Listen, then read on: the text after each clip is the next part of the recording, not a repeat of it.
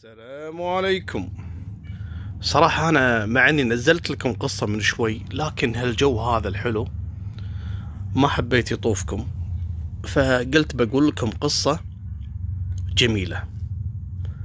واعذروني القصص الماضية صحيح إنها كانت غالبيتها في اليمن اليمن السعيد الله يعيده إن شاء الله سعيد. بس لأني طايح على شايب صراحة يمني الله يعطيه الصحة والعافية. والقصص اللي قاعد يقولها لي صراحة ما أقدر أتجاوزها. من روعتها وجمالها. وقصص ترى ما هي مذكورة لا في صحف ولا هي مذكورة أو متداولة في السوشيال ميديا. لذلك أنا يعني يعني كنت حريص إني أنقلها لكم. مثل هالقصة هذه اللي بسولفها لكم الحين. القصة هذه الله يسلمكم ما كانت في اليمن لا كانت في المملكة العربية السعودية. وتحديدا في تبوك. عام 1400 هجري يعني 1980 ميلادي. في يوم من الأيام في أحد المؤسسات الحكومية اللي ينقال لها البريد دخل رجل واللي يسولف لي سالفة موظف كان فيها الله يعطيه الصحة والعافية متقاعد من زمان طبعا. يقول وإحنا قاعدين الصبح وقاعدين نتفطر وكذا ويدخل علينا رجل. السلام عليكم. عليكم السلام. حياك الله. تفضل. اعتقدنا إن عنده معاملة عنده شيء يعني. لكن آه، قاعد بس يعني يطالع فينا ويطالع بوجيهنا و... ويتلفت. استغربنا منه.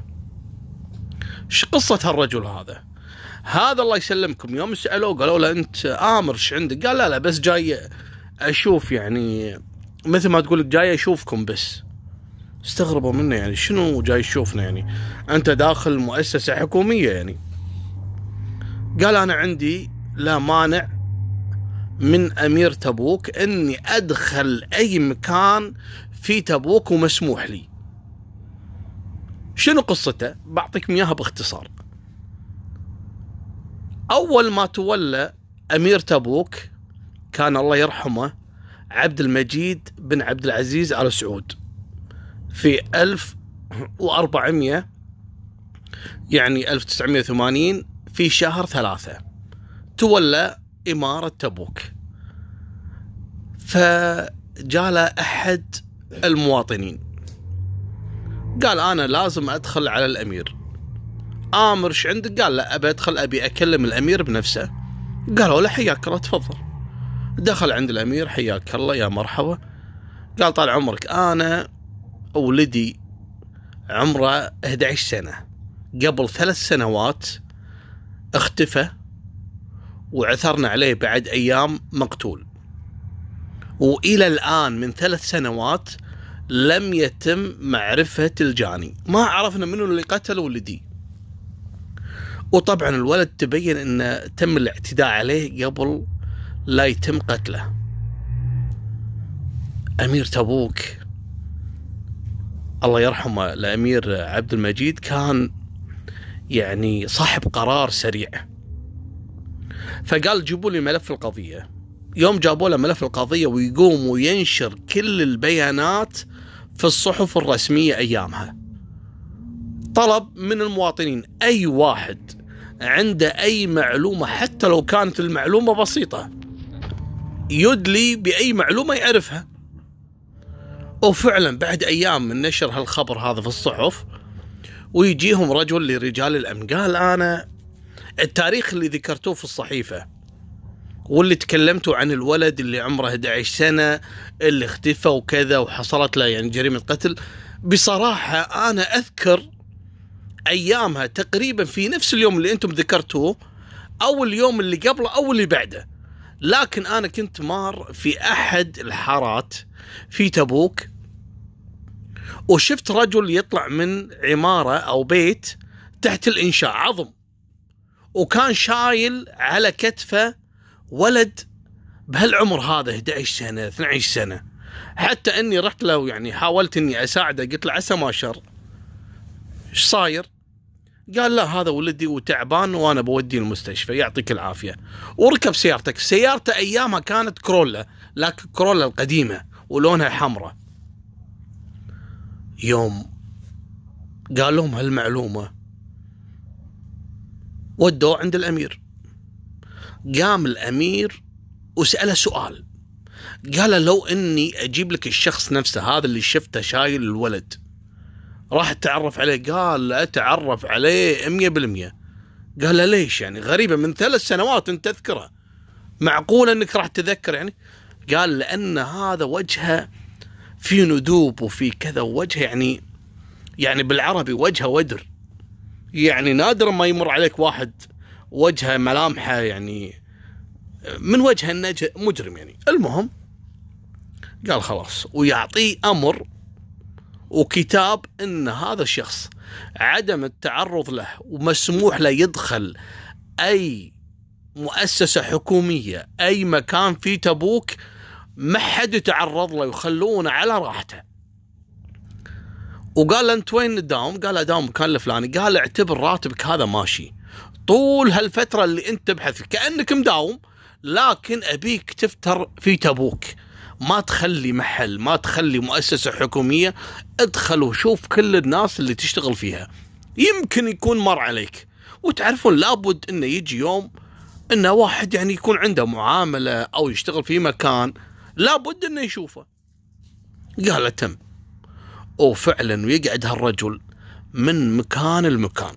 من بينهم مؤسسة اللي هي أو الجهة الحكومية اللي هي البريد.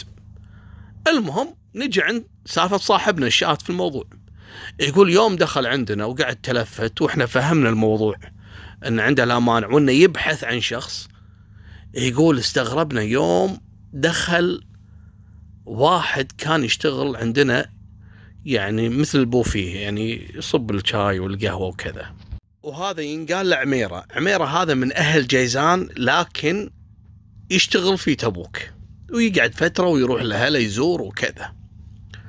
يوم شاف عميره وهو داخل علينا يجيب الشاي والقهوة البوفيه يعني.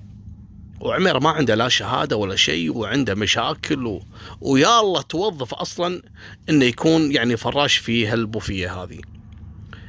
يقول يوم شاف الرجال وعميرة يتخلبط. قام توتر وكذا.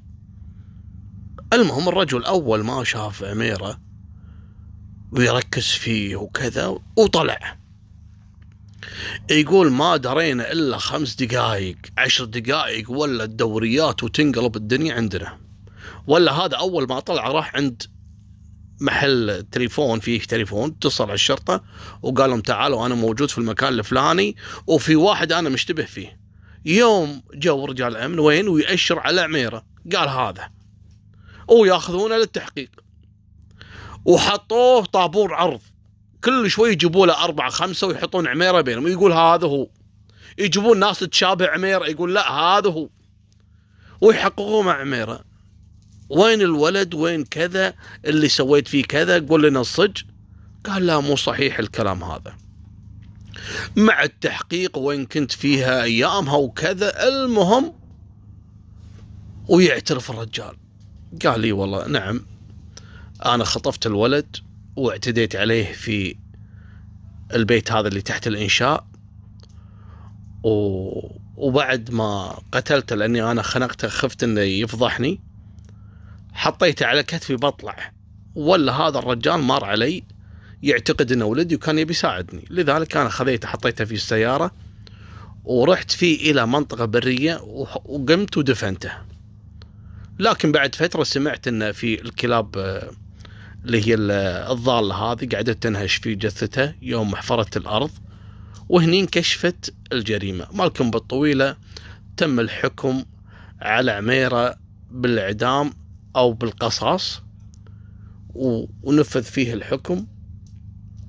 وهذه كانت نهاية سالفتنا وسامحوني على الإطالة وفمان الله مع السلامة.